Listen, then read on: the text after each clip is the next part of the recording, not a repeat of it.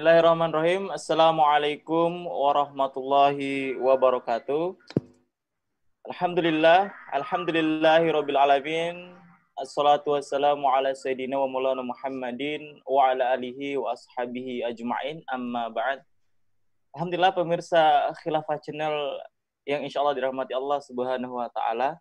Alhamdulillah malam hari ini kita kembali lagi bersua dalam kajian online Khilafah Channel yang insya Allah malam hari ini kita kembali dalam sesi membahas sirah nabawiyah yang diambil dalam kitab uh, Syekh Takwidin An-Nabhani rahimahullah yaitu kitab Ad-Daulah Al-Islamiyah.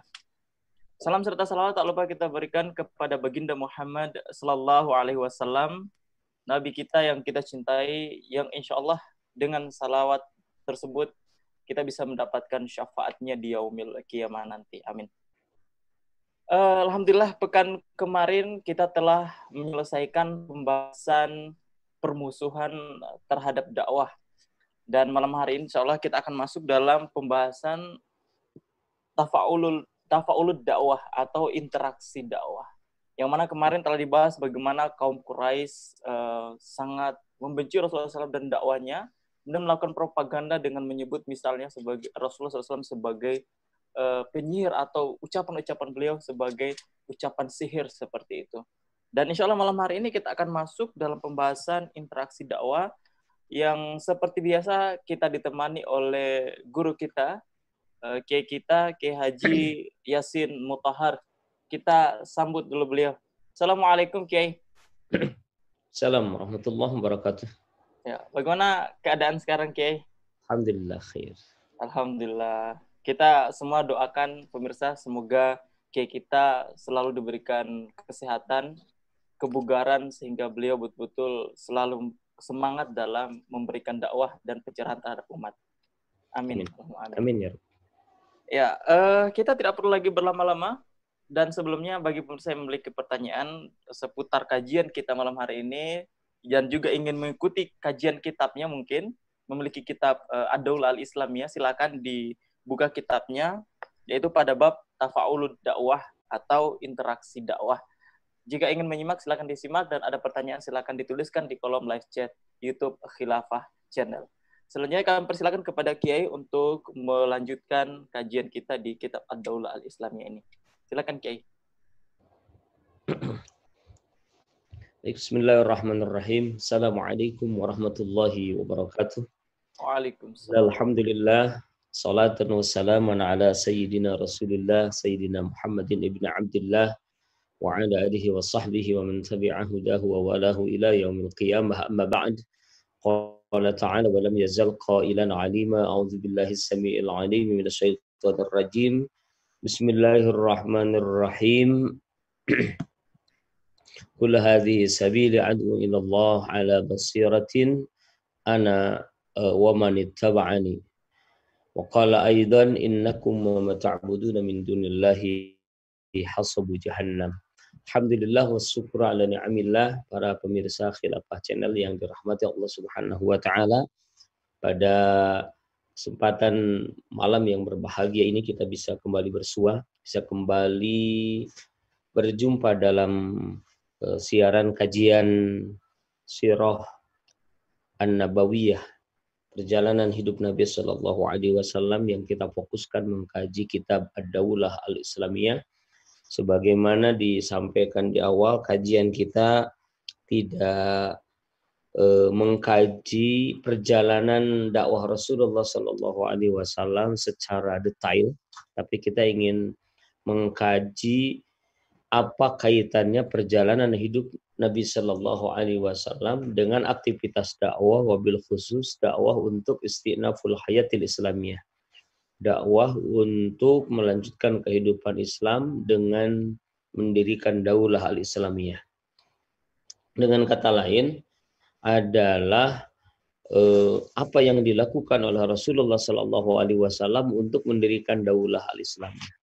Sebelumnya kita sudah membahas bahwa Rasulullah Shallallahu Alaihi Wasallam melakukan apa yang disebut dengan at-taskib.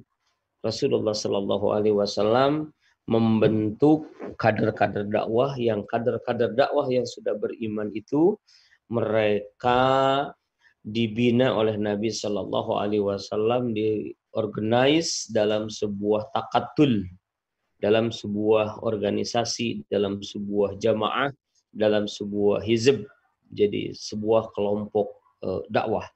Nah kemudian kelompok dakwah ini melakukan dakwah baik secara sirriyah dan secara alaniyah. Kemarin kita sudah membahas tentang intilaku dakwah, kemudian ketika dakwah sudah kelihatan secara terbuka, kelompok dakwah Rasulullah Shallallahu Alaihi Wasallam kelihatan secara terbuka, maka kemudian ada perlawanan terhadap dakwah, ada al-muqawamah terhadap dakwah. Nah, pada kesempatan ini kita akan membahas tentang tafa'ul dakwah. Interaksi dakwah. Jadi tafa'ul itu ya kalau bahasa kitanya interaksi ada saling eh, apa ya eh, ada interaksi yang terjadi antara dua belah pihak. Ada aksi, ada reaksi. Aksi yang dilakukan oleh kaum muslimin, oleh Rasul dan kaum muslimin saat itu adalah berdakwah, reaksinya adalah perlawanan terhadap dakwah. Jadi sebenarnya tafa'ulud dakwah ini masih berkaitan dengan sebelumnya. Baik Syekh Taqiyuddin An-Nabhani rahimahullah beliau berkata nafa'an Allahu bihi wa bi'ulumihi fid darain istidamu Quraisy bid da'watil islamiyah amran tabi'iyan. Li'annahu sallallahu alaihi wasallam hamala ad-da'wah wa awhara al-kutlah allati tahmilu ma'ahu ad-da'wata safiratan mutahaddiyatan وفوق ذلك فقد كانت هذه الدعوة بذاتها تتضمن كفاح قريش والمجتمع والمجتمع في مكة لأنه كانت تدعو لتوحيد الله وعبادته وحده وإلى ترك عبادة الأصنام والإقلاع عن النظام الفاسد الذي يعيشون عليه. فاستدمت فاستدمت بقريش استداما كليا. Uh, Syatakiuddin An-Nabhani beliau menyebutkan benturan istidam Quraisy berdakwah. Jadi terjadinya benturan antara kaum kafir Quraisy terhadap dakwah, bertabrakannya antara pihak kaum kafir Quraisy dengan dakwah Islam yang diemban oleh Nabi Shallallahu Alaihi Wasallam dan para sahabat ini adalah tabi'iyan. Ini perkara yang alami.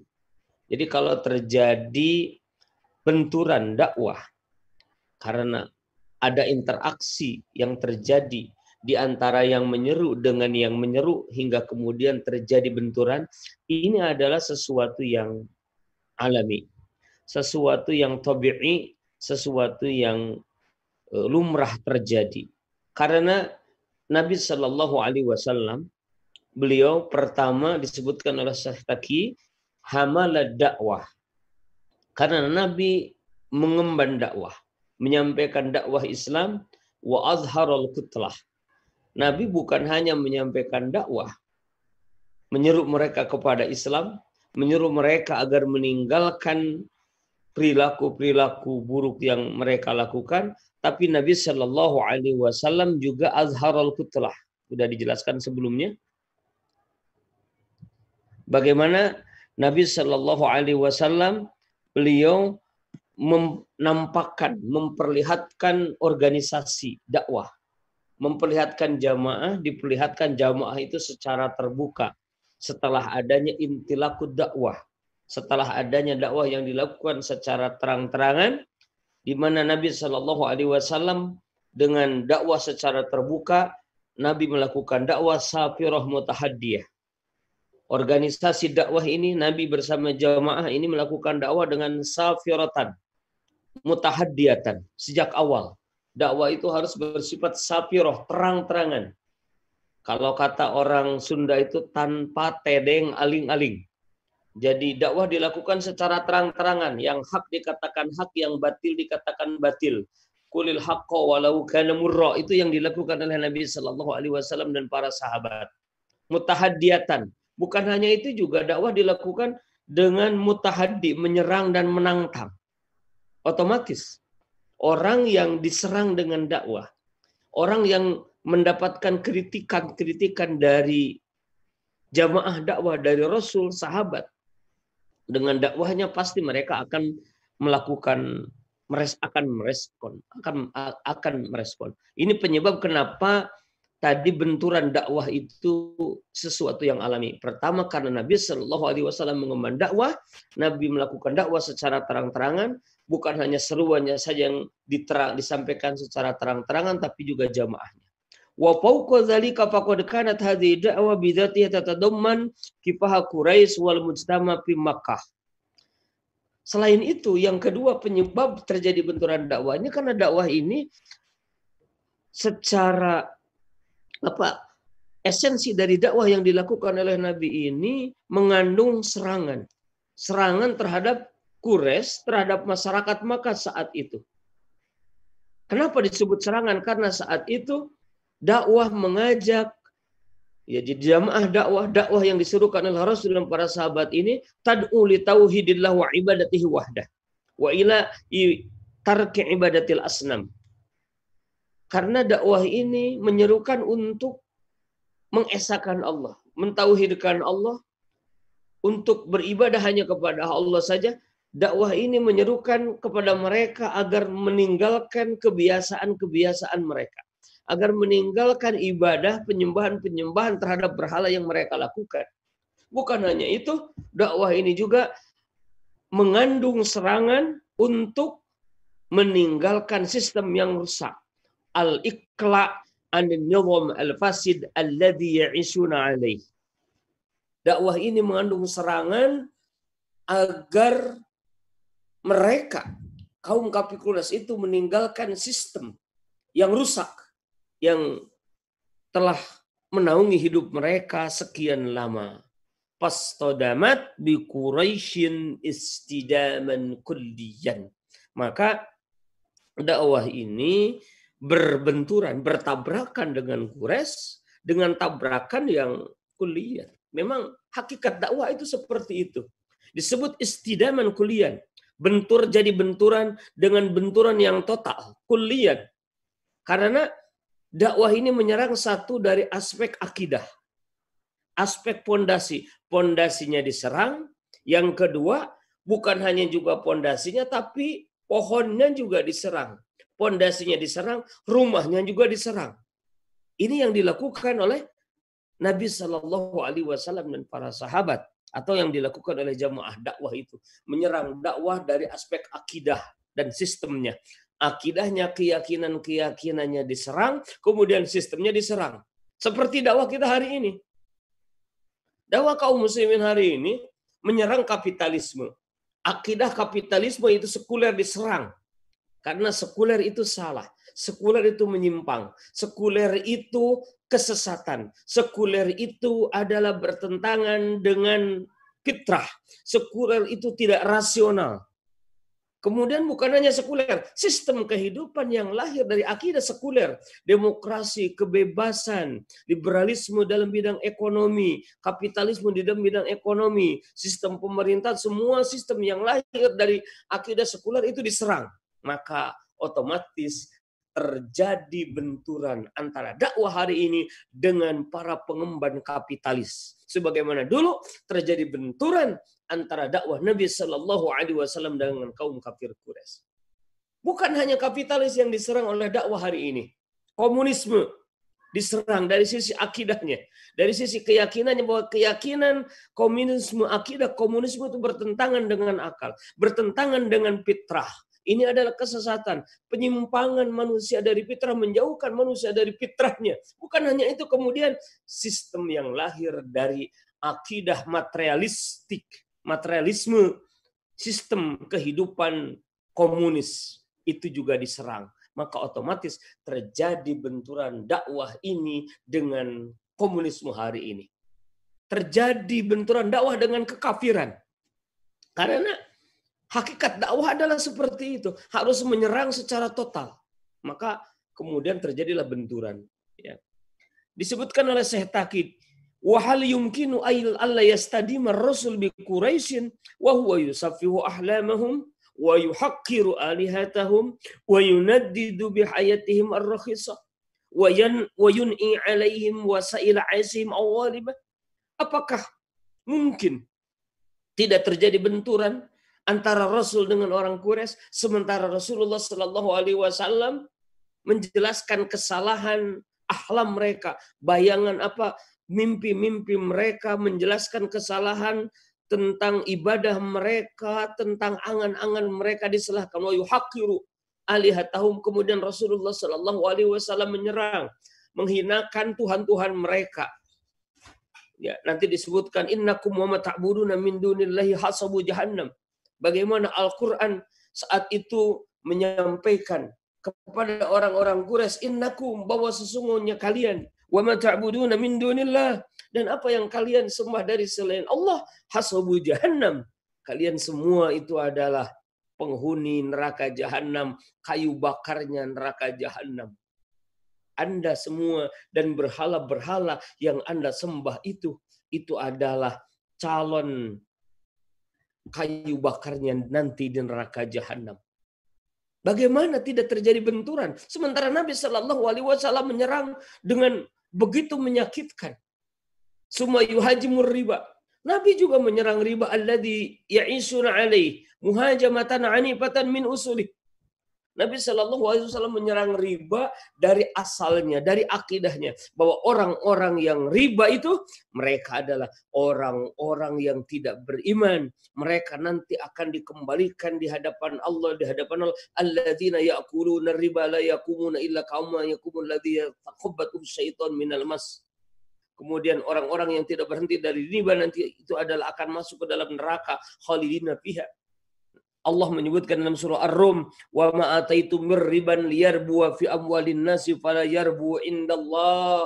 Apa saja riba yang kalian berikan, yang kalian ambil liar buah fi amwalin nas agar berkembang, agar bisa mengembangkan keuntungan kalian pada harta manusia. Fala yarbu indallah. Riba itu tidak akan berkembang, tidak akan menambah keberkahan, tidak akan menambah banyaknya kebaikan di sisi Allah. Nabi menyerang riba. Wa yatawa'adul yutaffifunal kail wal mizan. Kemudian Quran menyerang muamalah mereka, muamalah mereka. Jadi bukan berarti dakwah ketika di Makkah itu adalah dakwah tauhid. Bukan berarti tidak menyerang muamalah. Bukan berarti tidak menyerang sistem yang rusak pada saat itu.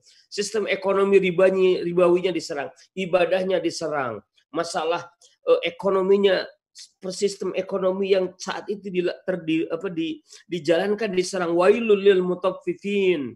Kecelakaanlah kebinasaanlah neraka wail. Bagi orang-orang yang suka mengurangi berlaku curang dalam menakar dan menimbang. Alladzina idza talu 'alan nas yastawfun wa idza kaluhum aw yukhsirun. Begitu Al-Qur'an yaitu siapa mereka al-mutaffifin yang akan binasa yang akan celaka itu mereka-mereka yang ketika mereka menakar dari manusia ya pun mereka memenuhinya.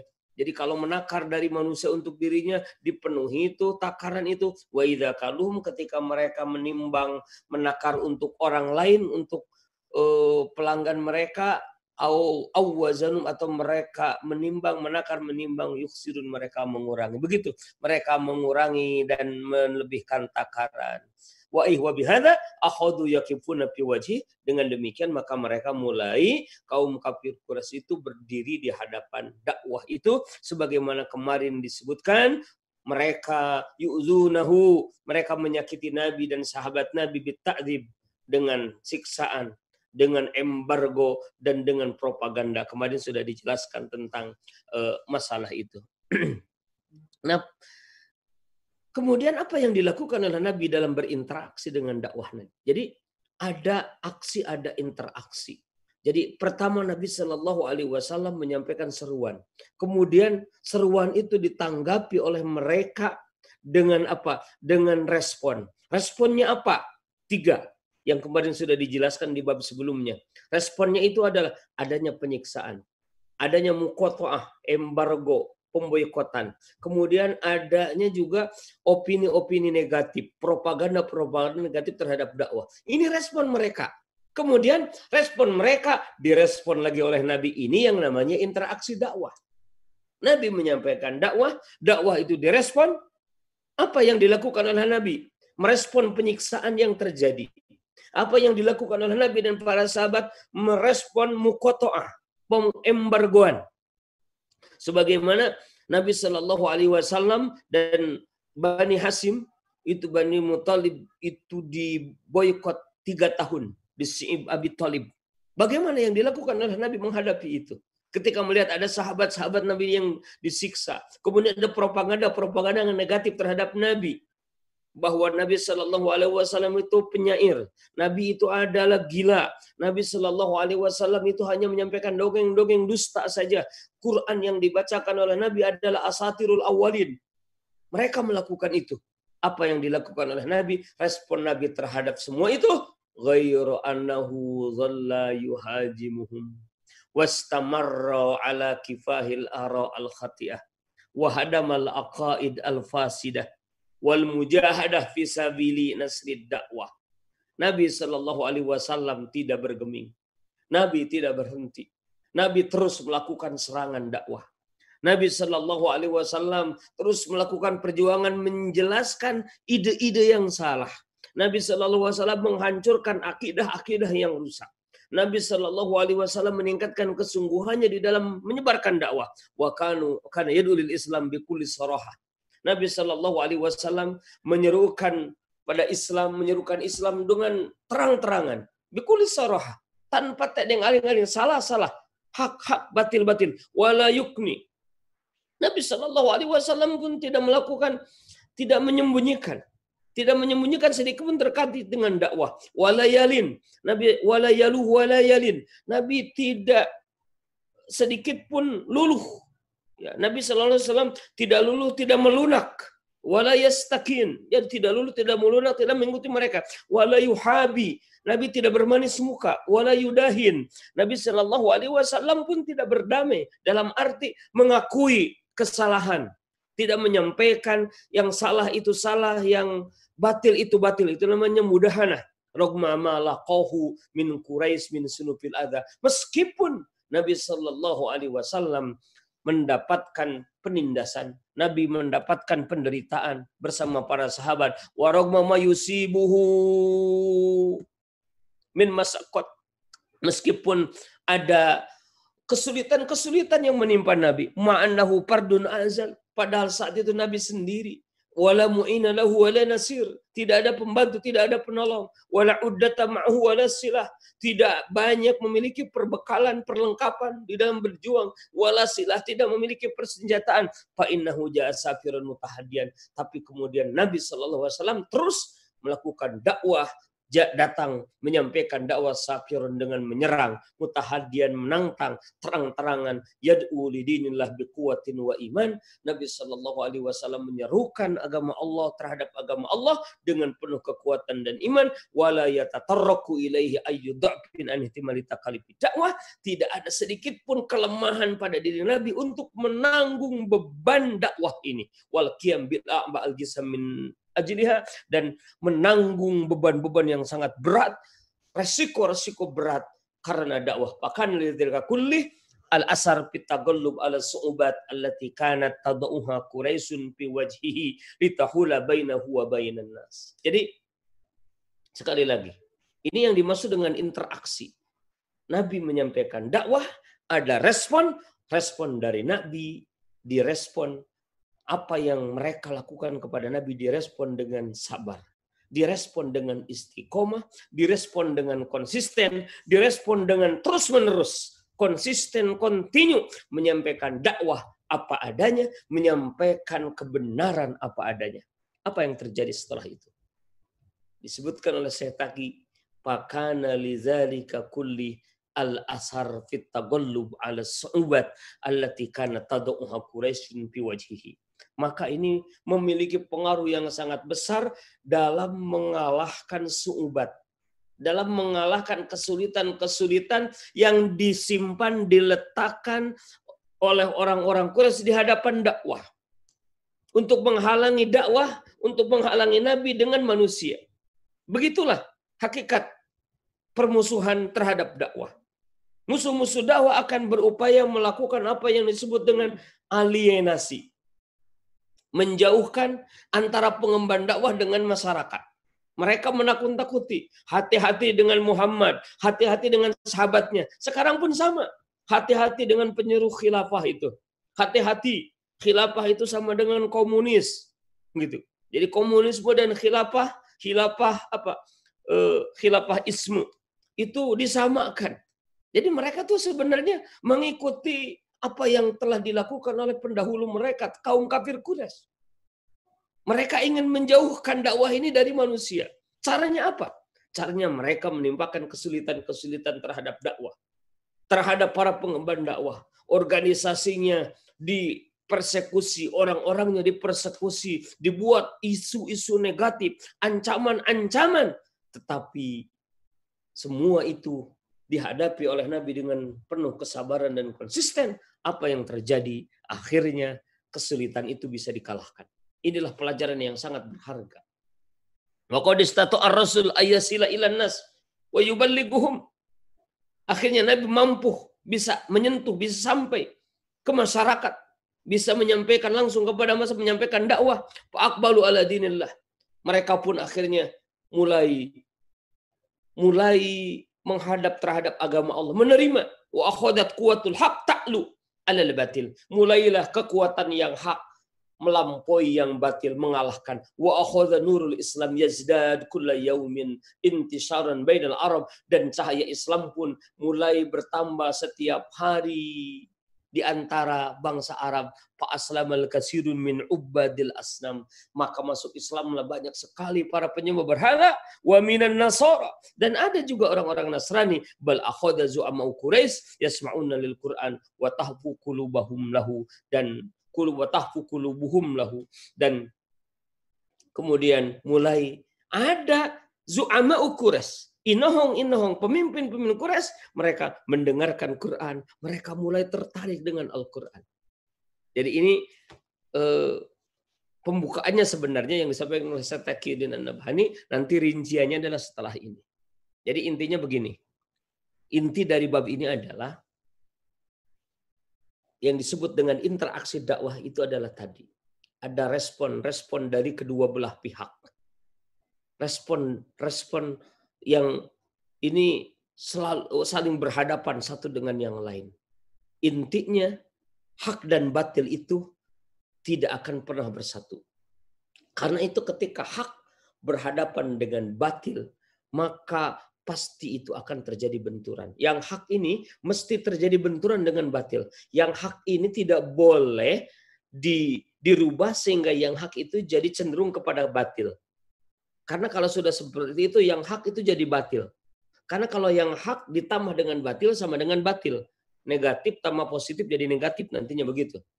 Karena itu, kita semua harus sama-sama memahami ketika kita menjadi para penyeru kebenaran, para penyeru yang hak, penyeru terhadap agama Allah, terhadap ideologi Islam, kita menyerukan yang hak.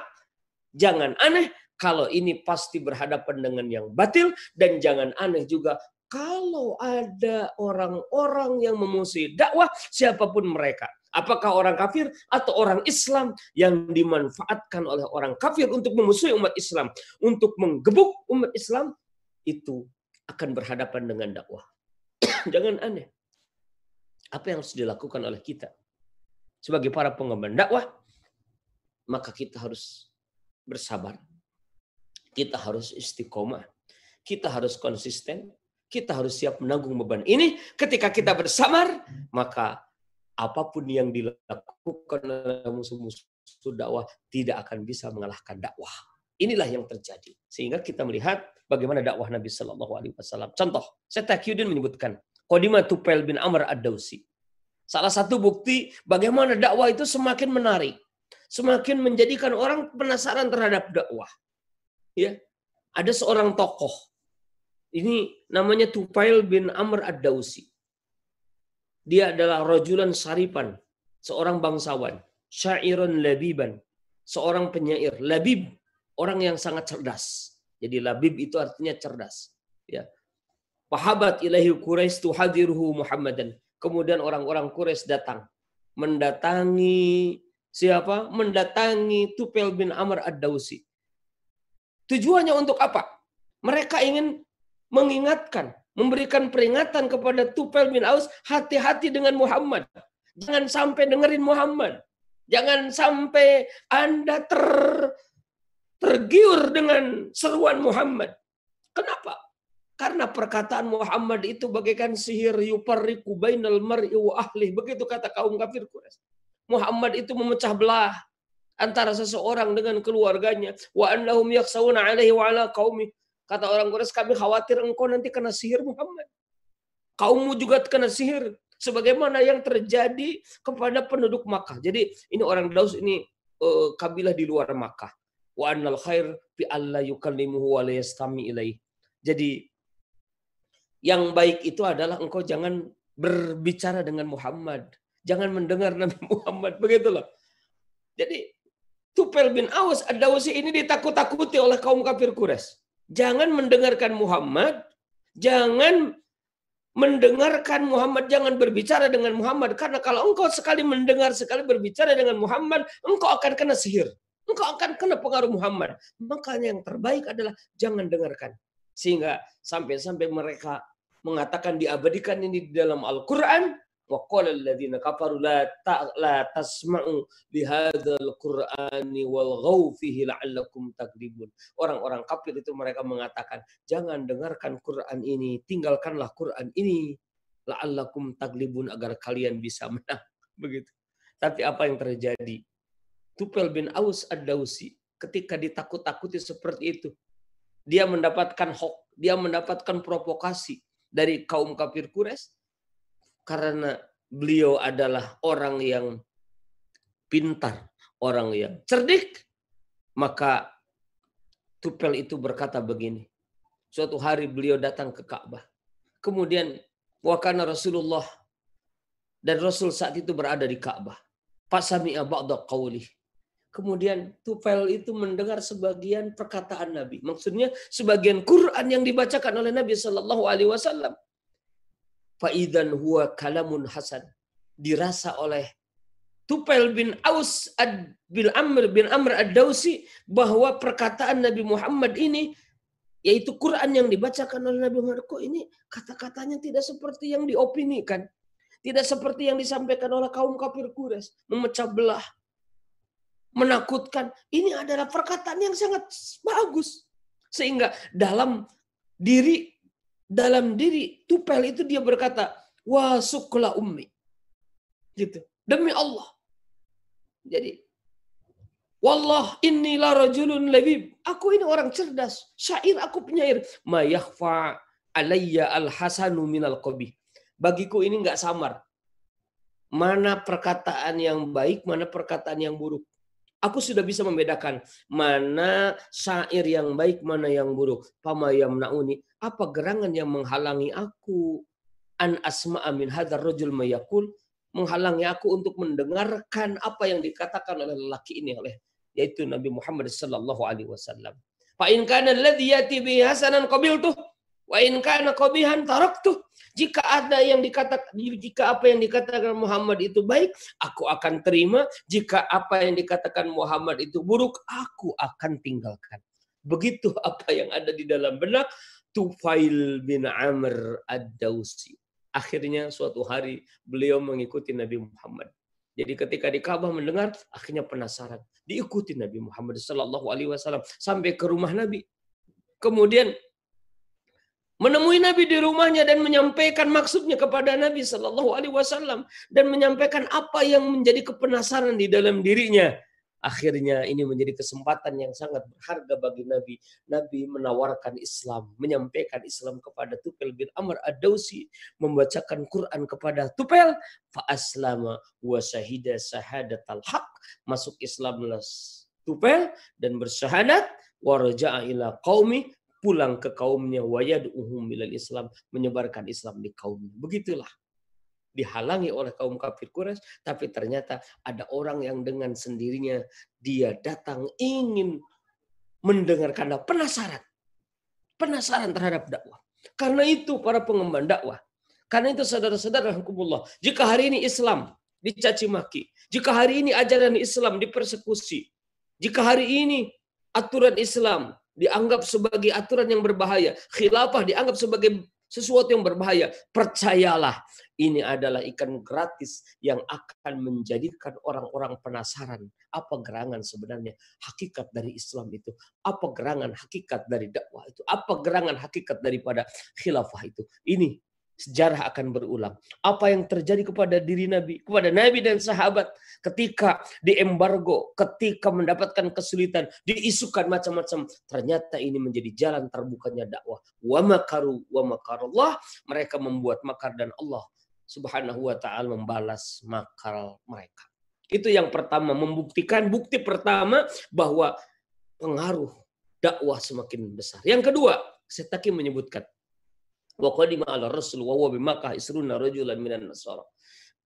Datang kepada Nabi 20 orang Nasrani ketika Nabi berada di Mekah sampai kepada 20 orang Nasrani itu kabar tentang Nabi. Fajalasu ilaih. Mereka duduk bersama Nabi wasa'alu bertanya kepada Nabi wastama'u lahu mendengarkan apa yang di uh, sampaikan oleh Nabi pastajabu wa amanu bih. Mereka kemudian memenuhi seruan Nabi dan beriman kepada Nabi Sallallahu Alaihi Wasallam, mengimani Islam, wasaddaku membenarkan Nabi, mimma qurusyan hatta sabuhum wa qalu lahum khayyabakum Allah min rabbin ba'asakum min waraikum min ahli dikum tartadun lahum litatum khabar rajul falam tatma inna majalisukum indahu hatta faraktum dinakum wasadaqtum bima qala. Wasadaqtumuh bima jadi masuk Islamnya 20 orang Nasrani. Yang Nabi tidak mendatangi mereka. Mereka datang karena mendengar kabar tentang Nabi akhir zaman itu. Karena Nabi akhir zaman itu sudah ada di dalam Injil, kemudian mereka mendapatkan kabar, datang mereka ke Mekah menemui Nabi. Mereka bertanya kepada Nabi, Nabi menjelaskan dakwah, kemudian mereka menerima dan ini yang membuat kaum kafir Quraisy semakin marah sampai disebutkan di sini semoga kalian dihinakan gitu oleh Allah. Ba'asakum min warakum min ahli dinikum. Jadi eh, khayyabakumullah min rukbin. Ba'asakum min waraikum min ahli dinikum. Jadi penduduk agama kalian mengutus kalian ke sini tapi kemudian kalian malah murtad malah kembali terpengaruh oleh lelaki ini. Intinya begitulah yang disampaikan oleh kaum kafir Quraisy mereka membuat menjadi marah. Walam yusri maqalatu Quraisy hadal wab an mutambatin Nabi. Tapi meskipun mereka itu diancam oleh kaum kafir Quraisy, dikatakan bodoh gitu. Dikatakan bodoh, kenapa kalian datang ke sini hanya untuk mengikuti lelaki gila ini? Tapi itu tidak menyurutkan langkah mereka. Tidak menyebabkan mereka berhenti untuk mengikuti Nabi Shallallahu Alaihi Wasallam. Tidak menyebabkan mereka kembali kepada kekufuran, kepada agama Nasrani, keluar dari Islam tidak. Bal zadathum billahi imanan ala imanihim, melainkan iman mereka semakin bertambah. Wa bidzalika izdada amrun nabi zuhuran wa izdada sauqun nas lisima'il Qur'an. Gitu. Jadi akhirnya dengan seperti itu urusan dakwah ini semakin tampak, semakin kelihatan, semakin jelas, jadi semakin kuat. Bahkan bukti yang ketiga, ini pengaruh dakwah semakin kuat hingga disebutkan oleh Syekh Taqiyuddin An-Nabhani rahimahullah. Ada orang-orang Quraisy yang sangat hatta inna uh, wa bidzalika zada amrun nabi zuhuran wa zada sauqun nas li Qur'an. Jadi urusan dakwah yang diemban oleh Nabi semakin jelas, semakin tampak, semakin kuat, orang semakin penasaran untuk mendengarkan Quran. Bahkan ada orang-orang yang rindu mendengarkan Quran. Hatta inna asada Quraisy khusumatan. Orang Quraisy yang sangat memusuhi Nabi. Bada yusailuna anfusum mereka mulai bertanya-tanya terhadap dirinya sendiri. Ahakon annahu jadu ila dinil qayyim. Apakah benar Muhammad itu mengajak kepada agama yang benar? Wa anna ma ya'iduhum wa yunziruhum huwa sahih. Dan apa yang dijanjikan oleh Muhammad, apa yang diberikan peringat, apa yang diperingatkan oleh Muhammad itu adalah benar. Jangan-jangan memang Muhammad itu benar wa hamalhum hadza atasul ala tasallul lisima'il Quran dan pertanyaan-pertanyaan itu menyebabkan mereka kemudian berupaya untuk secara sembunyi-sembunyi mendengarkan Quran. Suatu ketika Abu Sufyan bin Harab keluar. Abu Jahal dan Amr bin Hisam. Abu Jahal yaitu Amr bin Hisam dan Aksas bin Surek keluar. Ini tiga orang tokoh keluar di malam yang sama tapi di tempat di jalan yang berbeda menuju tempat yang sama yaitu rumah Nabi Shallallahu Alaihi Wasallam. Untuk apa? Liyastami'u ila Muhammadin wa huwa fi baitihi. Untuk mendengarkan Nabi Muhammad membacakan Quran ketika Nabi berada di rumahnya. Wa huwa fi kullun minhum majlisan yastami'u fi masing-masing dari mereka membuat majelis membuat mencari tempat duduk mereka duduk di situ mendengarkan Quran semalaman dari tengah malam sampai dengan waktu fajar. Mereka mendengarkan Quran, betah sekali mereka mendengarkan Quran yang dibaca oleh Nabi Shallallahu Alaihi Wasallam. Dan mereka tidak tahu satu dengan yang lain, karena yang satu ada di satu tempat, yang satu di tempat A, tempat B, tempat ada di tiga tempat mereka ada di situ. Wa kullu minum la ya'lam bimakani sahibi. Masing-masing tidak tahu tempat uh, temannya. Kemudian, jadi ketika Nabi Qiyamul Lail, Nabi membacakan ayat-ayat pada saat Qiyamul Lail, membacakan Quran dengan tartil pada saat Qiyamul Lail, sebagaimana yang disebutkan di dalam Al-Quran, Kumil layla illa qalila, nisfahu awinkus minhu qalila auzid alaihi warattilil qur'ana tartila. Nah, itu didengar oleh mereka. Dan ternyata bacaan-bacaan itu mempengaruhi diri mereka. Fata'assaru qulubuhum wa nufusuhum. Fata'siru qulubuhum wa nufusuhum. Jadi hati mereka bergetar, jiwa mereka bergetar, terpengaruh. Sehingga mereka terus terasik masuk mendengarkan bacaan Quran Nabi hingga fajar. Fatafarraku aidin. Kemudian mereka bubar. Mau pulang. Di perjalanan mereka bertemu. Kamu dari mana? Kamu dari mana? Kamu dari mana? Kemudian masing-masing mengatakan bahwa aku mendengar Quran yang dibacakan Muhammad. Yang satunya juga sama, yang satunya lagi juga sama. Begitu. Tiga orang itu mereka berkumpul di tempat yang sama, tapi satu yang lain tidak mengetahui. Ketika pulang mereka bertemu. Ini berlangsung selama tiga hari. Ini berlangsung selama tiga malam. Malam keduanya mereka juga pergi lagi. Padahal di malam pertama mengatakan kita tidak boleh lagi melakukan ini. Kalau ini terjadi, kalau ini dilihat oleh kaum kita, ini akan bahaya. Ini akan menyebabkan orang-orang pengikut-pengikut kita mengikuti Muhammad nanti. Dan Muhammad itu akan menang terhadap kalian, terhadap kita. Karena itu kita jangan kembali lagi. Eh ternyata malam kedua mereka kembali lagi melakukan seperti yang pertama. Kemudian mereka bertemu lagi dan berjanji tidak akan kembali lagi di malam setelah malam yang kedua. Eh di malam yang ketiga mereka datang lagi mendengarkan bacaan Al-Quran yang dibaca oleh Nabi Muhammad Sallallahu Alaihi Wasallam. Begitu. Jadi ini berarti pengaruh. Dakwah ini membuat orang penasaran, ingin mendengarkan. Karena itu orang-orang yang orang-orang yang secara terang-terangan mereka memusuhi dakwah, sebenarnya hati kecilnya mereka penasaran. Sebenarnya jangan-jangan yang dikatakan, yang disampaikan itu benar. Begitu.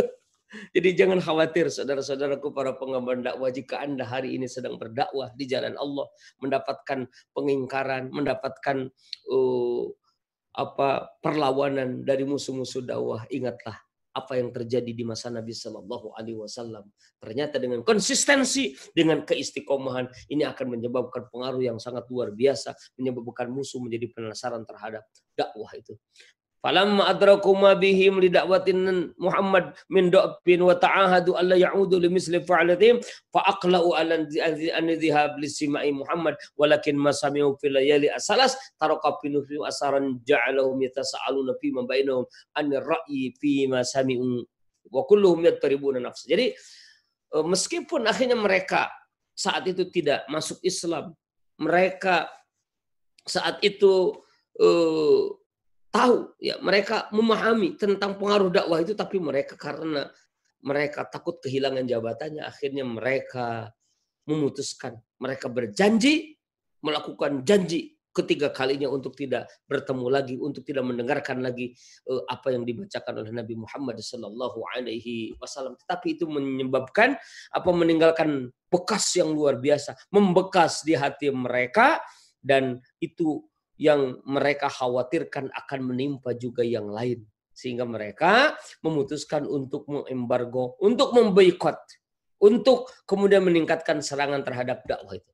Jadi seperti itulah. Wahakada syarat dakwah fi kulli makan rogma matada'uhu Quraisyin fi wajiha min akobat. Jadi meskipun ada halangan rintangan yang diletakkan oleh kaum Quraisy di hadapan dakwah, tapi dakwah tetap berjalan.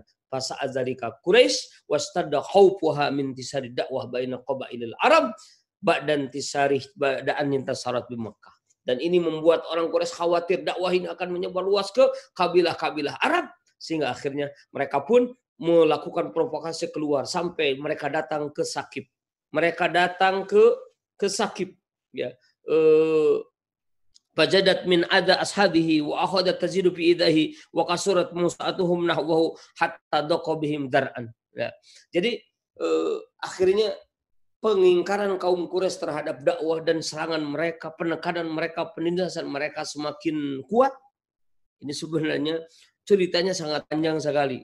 Namun di sini memang dipres karena tidak di tidak dijelaskan oleh Setakin dan Abhani terkait dengan uh, cerita secara rincinya karena memang bukan itu maksudnya karena kitab ini adalah bukan kitab cerita. Yang intinya penindasan kaum kafir Quraisy itu semakin bertambah kepada Nabi Shallallahu Alaihi Wasallam hingga akhirnya Nabi Shallallahu Alaihi Wasallam pun keluar dari dari mana? Keluar dari Makkah. Keluar dari Makkah ini terjadi setelah istri beliau wafat, setelah paman beliau wafat, ya, setelah Siti Khadijah wafat, kemudian Abu Talib wafat, Nabi Shallallahu Alaihi Wasallam beliau keluar dari Makkah untuk mencari perlindungan dakwah di Sakib, di Taib. Nabi SAW datang ke Taib dan ternyata orang Taib sudah diprovokasi oleh orang-orang Quraisy. Orang-orang Taib sudah diprovokasi oleh orang-orang Quraisy sehingga kemudian mereka pun mengusir Nabi mereka memprovokasi orang-orang bodoh, orang-orang pandai di antara mereka untuk mengusir Nabi, melempari Nabi Shallallahu Alaihi Wasallam dengan batu hingga kemudian Nabi Shallallahu Alaihi Wasallam pun lari tunggang langgang berlindung di sebuah kebun kebun milik Saibah. Dan di situlah kemudian Nabi Shallallahu Alaihi Wasallam berdoa memohon pertolongan kepada Allah Subhanahu وتعالى.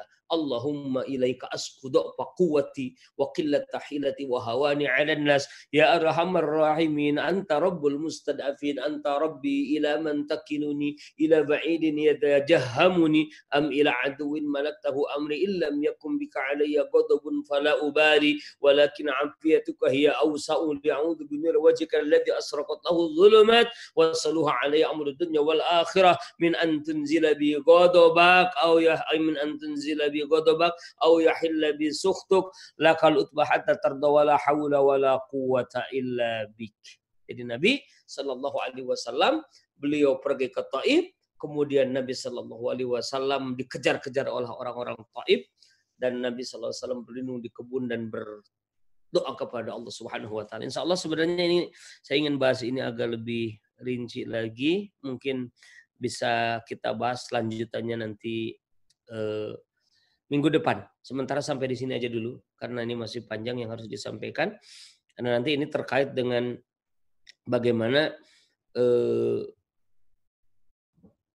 ini cikal bakal pertolongan yang didapatkan oleh Nabi Shallallahu Alaihi Wasallam itu dari sini. Ya. Demikian mungkin mohon maaf nih kalau kepanjangan ya karena sebenarnya ceritanya panjang sekali di balik ini Yeah. Tapi karena memang bukan kitab tentang cerita, tapi intinya kita sudah uh, insya Allah uh, memahami dari yang dimaksud dengan interaksi tadi, bahwa interaksi musuh terhadap dakwah itu pasti adalah interaksi yang buruk dan ini harus dibalas dengan kebaikan yaitu dengan keistiqomahan kesabaran. Insya Allah akan berbuah kemenangan sebagaimana yang diraih oleh Nabi Shallallahu Alaihi Wasallam. Dan nanti itu akan diceritakan setelah Ini bagaimana pertolongan turut uh, bertubi-tubi setelah Nabi Shallallahu Alaihi Wasallam uh, bertakarub kepada Allah di kebun milik Saibah. Setelah Nabi diusir dari Taib itu bukan malah Nabi semakin terpuruk tapi semakin kuat dakwah Nabi hingga kemudian nanti mendapatkan pertolongan Allah Subhanahu wa taala dengan Islamnya penduduk Madinah. Insya Allah akan diceritakan di pertemuan-pertemuan mendatang. Hadanallahu iyyakum ajmain. Assalamualaikum warahmatullahi wabarakatuh. Waalaikumsalam warahmatullahi wabarakatuh. Alhamdulillah luar biasa. Uh, ya kita dengan sangat menggebu-gebu menceritakan bagaimana kisah di balik uh, bab ini yang luar biasa sekali tadi.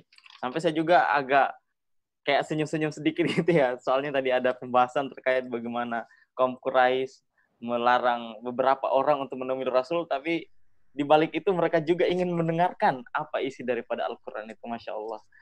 Uh, ada beberapa juga tadi yang perlu kita uh, apa namanya ya hayati bahwasanya semakin kita ditekan seharusnya kita tidak boleh ber seperti lembek gitu ya kita harus semakin istiqomah mendakwakan apa yang Allah telah janjikan kepada kita. Ya. Karena memang makar mereka itu tidak sebanding dengan apa yang akan diberikan makar oleh Allah Subhanahu wa taala kepada musuh-musuh musuh-musuh Islam. Itu pesan yang sangat penting tadi yang mungkin bisa kita ambil inilah yang dicontohkan oleh Rasulullah SAW sehingga mungkin disebutkan oleh Kiai kita tadi bahwa ini adalah awal mula fase pertolongan Allah Subhanahu wa taala untuk kemenangan Islam ke depannya. Karena apa? Karena ada keistiqomahan tadi. Begitu ya, Kiai ya. Tuh. Saya ini kayak jadi pembateri sekarang ini. ya, uh, berupaya ya, ya. menekankan. Ya, ini hanya menekankan. Ya, saya bukan posisi saya bukan pemateri sekarang karena saya hanya menekankan poin penting yang bisa kita ambil di sini. Amin. Ya, uh, ini sudah banyak yang antri pertanyaan sebenarnya. Jadi uh, silakan silakan nggak apa-apa. Iya. kalau masih ada waktu dia mohon maaf nih. Iya ya kita bacakan dulu pertanyaan. Ya kita bacakan dulu pertanyaan. Uh, jika banyak waktu insya Allah kita akan jawab uh, pertanyaan-pertanyaan yang masuk apabila tidak sampai. Jangan berkecil hati insya Allah masih ada lanjutannya begitu ya? Jangan sampai ada yang kecewa nonton setelah nonton. Aduh kecewa nih nggak dijawab ini sama Khilafah Channel ini pertanyaan Ya, insya Allah pekan depan akan dilanjutkan. Jadi disimpan dulu pertanyaannya apabila sebentar kita kehabisan waktu gitu. Kita langsung saja pertanyaan pertama dari Asterlina. Assalamualaikum Kiai. Pasti ya dengan keadaan dakwah sekarang banyak mubalik yang dakwah mengikuti permintaan audiens semata, bukan dakwah menyuruh kepada kebenaran. Ini pas nggak dengan kondisi sekarang, Kiai? nah inilah. Jadi di dalam kitab Ham uh, Nizamul Islam bab uh, kaifiyati haml kaifiyatu hamlid dakwah Setaki dan Anabhani memang beliau menyebutkan dakwah itu harus safiron mutahadian terang-terangan menyerang. Kemudian dakwah itu tidak boleh memperdulikan apa yang dilakukan oleh manusia oleh apa yang terjadi apa adat istiadat tidak boleh menjadikan adat istiadat perilaku masyarakat yang ada di sekitar sebagai uh, sumber kebenaran, sebagai sumber hukum. Tapi itu adalah sebagai fakta yang harus dijadikan sebagai objek hukum, sumber hukum itu adalah wahyu. Karena itu tidak selaiknya bahwa dakwah itu harus memenuhi permintaan keinginan audien. Kata audien, jangan bahas tentang riba Ustadz. Di sini mah banyak masyarakatnya ini eh, ahli riba, di sini banyak pegawai bank ya. Justru kesempatan di hadapan pegawai bank itu harus menjelaskan tentang bahayanya riba. Ya, Jangan bahas tentang masalah sewa nyewa tanah, Ustadz. Jangan bahas tentang masalah oh ini karena di sini mah ini banyak petani dan seterusnya gitu. Jadi jangan bahas tentang demokrasi dan seterusnya. Ya, kalau seperti itu, dakwah seperti itu, kapan kebenaran itu akan jelas sampai kepada masyarakat? Disebutkan ya dalam sebuah makalah dari Imam Ahmad bin Hambal. Beliau pernah mengatakan begini, "Idza sakatal alimu taqiyatan pamata yatabayyanul haqqu." Ketika orang yang alim, orang yang tahu tentang hak itu, dia diam. seribu bahasa. Dia diam terhadap kemungkaran, keburukan, penyimpangan yang terjadi. Takiyatan, karena takiyah. Menyembunyikan kebenaran itu karena ingin diterima oleh masyarakat. Karena ingin dakwahnya mulus. Sehingga akhirnya dia tidak ingin berbenturan. Padahal hakikat dakwah itu harus berbenturan. Dakwah itu menyerang. Benturan ini adalah sunnatullah. Kalau tidak ada benturan ini, tidak akan ada orang-orang yang hebat. Adanya orang yang hebat itu karena ada benturan. Tidak akan ada emas kalau emas itu gak dibenturkan dengan alat. Sehingga kemudian dari batu itu menjadi mengkilat. Ada benturan-benturan gitu. Jadi istidam, benturan antara hak dan batil itu akan menjadikan kita semakin dewasa, akan menjadikan kita semakin kuat, akan menjadikan kita semakin mulia kedudukannya di hadapan Allah, akan menjadikan dakwah ini semakin kuat. Kalau kita ketika berdakwah memilih untuk itu jadi benturan-benturan, maka ini justru akan memperlama jalannya dakwah, akan memperlambat datangnya pertolongan Allah Subhanahu wa taala. Jadi dakwah itu nggak boleh melipir. Tahu melipir, Kang Guslin? Melipir itu harusnya kita lurus, ini belok dulu nih ke samping. Oh iya iya iya. nah, itu namanya melipir. Mutar Jadi, jalur gitu ya, Kiai ya. Nggak boleh tengok kanan dan kiri. Lurus saja kepada tujuan. Iya, Begitu. Iya, iya. Kalau kemudian apa yang disampaikan oleh kita menyinggung, memang dakwah itu tujuannya adalah untuk menyinggung, untuk mengingatkan. Nggak ada masalah. Kalau kata almarhum uh, Ustadz Muhammad Khair Hari Mukti itu, kalau Anda tersinggung dengan dakwah itu, Alhamdulillah berarti Anda itu manusia, bukan monyet. Anda itu yeah, iya. bukan yeah. begitu kata-kata begitu. Kalau ada orang tersinggung, alhamdulillah Anda itu berarti masih punya otak. Iya, iya, iya. iya. Nah gitu. Kalau tidak pernah tersinggung berarti tersinggung berarti Anda sudah tidak punya otak gitu. Allah a'lam Jadi harusnya memang ya seperti itu. Nah ini kita sungguh sangat sangat-sangat eh, apa bersedih ketika ada dai, para pengemban dakwah, ada ke ulama, ustadz-ustadz pesanan. Ustadz-ustadz pesanan berbicara sesuai dengan keinginan keinginan audien, apalagi yang lebih berbahaya lagi kalau ustadz kiai para pengemban dakwah berbicara sesuai dengan pesanan-pesanan penguasa. Wah, ini bahaya. Ini musibah. Ini musibah. Ini namanya alimun munafikul lisan. Orang yang berilmu tapi munafikul lisan. Kata Nabi Shallallahu Alaihi Wasallam, ahlaka rajulani, ahlaka ummati rajulani. Umatku ini akan dibinasakan oleh dua tipologi manusia, oleh kelompok dua kelompok manusia. Pertama adalah imamun jairun, pemimpin yang jahat. Yang kedua, wa alimun fasikun, seorang alim yang bengkok, seorang alim, orang ulama, ustadz, pengemban dakwah yang bengkok. Maksudnya apa tuh? Yang fasik. Yang fasik yang menyimpang dari kebenaran karena mengikuti pesanan-pesanan musuh, pesanan-pesanan orang yang memusuhi dakwah, bahkan mereka dijadikan bemper mereka dijadikan sebagai pembenar kebatilan karena mereka mengungkapkan dalil-dalil itu adalah yang akan membinasakan umat ini. Nabi ditanya, ayyuhuma asaddu ya Rasulullah? Mana yang lebih berbahaya? Kata Nabi, al ulama idza fasaku. Para ulama ketika fasik itu yang akan lebih berbahaya bagi masyarakat daripada penguasa yang lalim. Wallahu a'lam. Masya Allah. Uh, ini tadi saya tanda kutip lagi ya, bukan jadi pemateri lagi. Ada tadi tanda kutip bahwa seorang uh, benturan itu adalah bagian untuk menciptakan orang-orang yang hebat. Betul. Atau dalam bahasa di Indonesia apa namanya ya? Kita umpamanya yang terkenal itu perumpamaan misalnya pelaut ulung tak akan mungkin lahir dari laut yang tenang gitu ya. Ah, ya. begitulah. Ya. tak mungkin lahir pelaut ulung kalau hanya di ya laut-laut yang tenang doang gitu. Yeah. Pasti harus ada ombak gitu kan. Itu baru disebut kapten yang luar biasa. Nah, inilah tadi hikmah dari kita tidak boleh mengikuti audiens untuk berdakwah, tapi kalau kita berdakwah, dakwah saja mau demokrasi, sistem kufur hajar gitu ya. ya kita tidak boleh memperdulikan kata-kata orang. Itu mungkin pesan tanda kutip yang paling yeah. menohok tadi ya. ya. Ini juga sindiran bagi orang-orang yang lembek terhadap yang beginian ya. Oke, lanjut uh, Kiai. Uh, yeah. Syukran jazakallah khair ini sudah dijawab pertanyaan dari uh, Sterlina tadi. Selanjutnya dari Ali Muzain. Benturan antara hak dan batil dari zaman Nabi sampai kapan pun akan terjadi. Lalu bagaimana caranya agar yang hak ini bisa dimenangkan oleh Allah Subhanahu wa taala, Kiai? Hmm. Bagaimana yang hak ini supaya bisa dimenangkan? Yang pertama, wala talbisul haqqo bil batil. Jangan dicampur adukan yang hak dengan yang batil. Ya. Yang kedua, ja'al haq wa zahaqul batil. Yang hak itu harus ditampilkan. Harus diekspos. Harus diizharkan. Harus dijelaskan.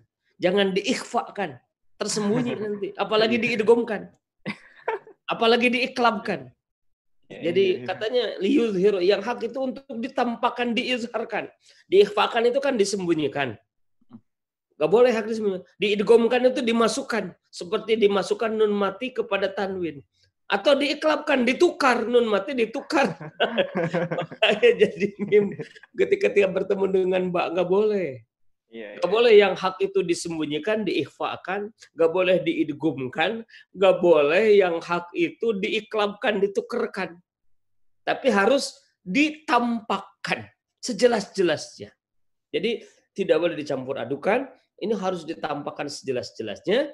Bagaimana istiqomah. Tadi sebenarnya sudah dijawab dari eh, tadi itu dari dari apa yang telah kita sampaikan itu respon Nabi.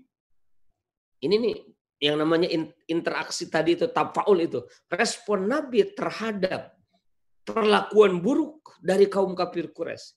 Terhadap opini negatif mereka itu responnya apa? Konsisten responnya bersabar responnya istiqomah terus menerus terus begitu jadi mantorokol bab eh, walaja gitu manjada wajada. Siapa orang yang mengetuk pintu, diketuk, digedor, gedor, gedor, ketuk, ketuk, nanti akan masuk. Terus aja. Begitu. Yang hak itu agar menang bagaimana? Kitanya jangan berhenti. Begitu. Kan ada seungkapan bahwa kebohongan itu ketika diungkapkan ribuan kali itu akan menjadi kebenaran. kebenaran. Nah, gitu. Akan dibenarkan oleh masyarakat. Apalagi yang hak gitu. Mereka itu kita lihat orang-orang yang menyampaikan kedustaan itu tidak dijanjikan surga, tidak dijanjikan pahala, tapi mereka istiqomah.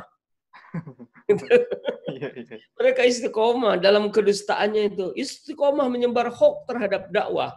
Apalagi ini kita orang yang mengembar dakwah itu dijanjikan kemuliaan yang luar biasa oleh Allah perkataan kita disebut waman ahsanu qawlan mimman da'a wa amila salihah wa qala innani minal muslimin. Jadi kita harus istiqomah terus menerus insyaallah ya. Dengan seperti itu maka yang hak ini akan menang. Nah, hak ini menang tidak akan datang dengan sendirinya kemenangan itu kecuali harus ada penggawanya, harus ada pem, pengembannya. Jadilah kita sebagai pengemban-pengemban hak pengemban pengemban pengemban dakwah yang istiqomah sebagaimana Rasul dan para sahabat yang akhirnya mendapatkan kemenangan pertolongan dari Allah. Jadi kemenangan pertolongan itu datang tidak gratis, datang tidak ujuk-ujuk tiba-tiba sekonyong-konyong begitu saja, tapi setelah melalui perjuangan, konsistensi, kesabaran, keberanian di dalam menyampaikan dakwah. Wallahu a'lam Ya, masya Allah, banyak sekali malam ini uh, ungkapan-ungkapan itu menjadi apa ya namanya ya kritikan bagi kita semua sehingga bisa uh, semoga menjadi istiqomah gara-gara kritikan-kritikan itu dari kita menyampaikan uh, kebaikan dan dakwah ini insya Allah. Konsisten adalah kunci utama dari keberhasilan dan kemenangan dakwah atau kemenangan al-haq tadi. Itu mungkin inti poin dari yeah. Ya. uh, penyampaian tadi itu istiqomah, sabar, sabar, dan sabar. Seperti itu. Uh, mungkin karena waktu yang membatasi kita, sayang sekali bagi seluruh pemirsa yang masih memiliki pertanyaan, disimpan dulu. Insya Allah belum selesai babnya, bab ini insya Allah akan ada sesi keduanya. Ya. Jadi insya Allah kita akan lanjutkan pekan oh. depan dengan malam yang sama dan ditemani edisi kedua. Iya siap siap dan ditemani oleh uh, uh, guru kita yang malam ini sangat seru pembahasannya. Juga semangat semakin semangat tadi dibahas uh, pembahasan ini. Ya, alhamdulillah kita akan masuk dalam tafaulut dakwah di edisi kedua pekan depan. Untuk mengakhiri kajian kita malam hari ini, kami minta kepada Kiai untuk memberikan closing statement dan pesan-pesan khusus kepada pemirsa dan juga kita semua. Silakan Kiai. Pemirsa yang dirahmati Allah Subhanahu wa taala, benturan antara hak dan batil, benturan dakwah yang hak dengan kebatilan itu adalah sebuah keniscayaan. Ketika ada interaksi maka akan ada benturan. Interaksi yang terjadi, respon apa yang harus kita lakukan ketika kita mendapatkan respon buruk pada saat berdakwah, Nabi mengajarkan kepada kita adalah istiqomah. Nabi mengajarkan kepada kita istiqomah. Nabi mengajarkan kepada kita istiqomah. Khairul a'mal adwa muha wa in qalla. Sebaik-baiknya amal itu adalah yang paling istiqomah, paling dawam, continue, wa in qalla meskipun amal itu sedikit. Nabi mengajarkan kepada kita bersabar. Bala intasbiru wa tattaku la yadurrukum kaiduhum syai'a. Begitu yang disebutkan oleh Allah di dalam Quran. Benar. Intasbiru. Jika kalian terus-menerus bersabar. Wa tattaku jika kalian tetap istiqomah bertakwa, memegang teguh kebenaran, la yadurrukum kaiduhum syai'a maka makar mereka itu sedikit pun tidak akan bisa menyulitkan, tidak akan bisa membahayakan, tidak akan bisa mengalahkan kalian, tidak akan bisa menyulutkan langkah kalian. Kalian akan diberikan kemenangan oleh Allah Subhanahu wa taala. Kalian tidak akan tumbang, tidak akan menjadi kalah karena perlawanan mereka jika kalian menghadapi itu semua dengan intas biru wa tattaku terus menerus bersabar dan istiqomah di dalam memegang teguh kebenaran di dalam bertakwa kepada Allah Subhanahu wa taala itu kunci dari kemenangan dakwah. Kemenangan pada saat kita harus berinteraksi dengan dakwah di tengah-tengah masyarakat.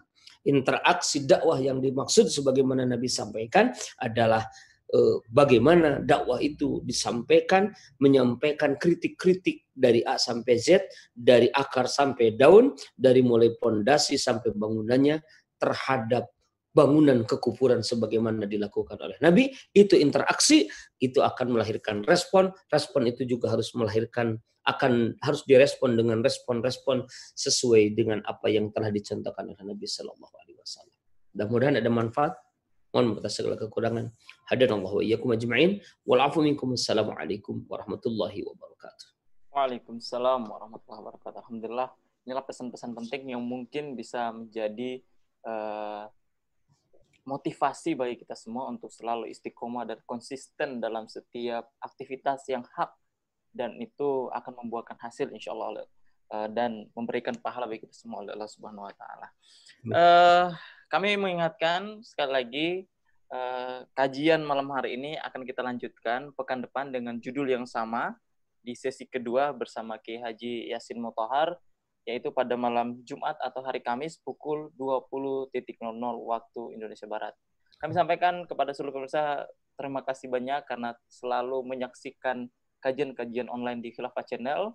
Jangan lupa like, comment, share, dan subscribe uh, channel kami Semoga Khilafah Channel ini memberikan uh, apa banyak ilmu bagi kita semua agar kita semua memberi, uh, menjadi paham atas ilmu-ilmu uh, yang mungkin selama ini tersembunyi di uh, di balik apa ya namanya mungkin uh, kita tidak mencari begitu dari Khilafah Channel menghadirkan itu untuk kita semua. Uh, kami juga ucapkan jazakallah khair kepada Ki Haji Yasin Mutahar karena malam hari ini berkenan menemani kami lagi di kajian Khilafah Channel. Alhamdulillah dalam kondisi sehat walafiat beliau. Semoga selalu sehat dan fit dan menemani kita terus-menerus dan menyelesaikan kitab ini yang sangat luar biasa dan uh, kita bisa menamatkannya uh, dan kita apa namanya ya nah, dalam bahasa kajiannya seperti apa ya uh, tuntas begitu mumtaz menyelesaikan kitab uh, uh, Ad-Daul al-Islami ini. Kami ucapkan jazakallah khair Kiai ya Semoga Kiai diberikan kesehatan oleh Allah Subhanahu wa taala. Uh, dan kami ucapkan uh, permohonan maaf apabila ada kekurangan dalam kajian ini. Yang tadi ada pertanyaan silakan tanyakan pekan depan. Kami ucapkan terima kasih. Wal minkum. Wassalamualaikum warahmatullahi wabarakatuh. Waalaikumsalam warahmatullahi wabarakatuh.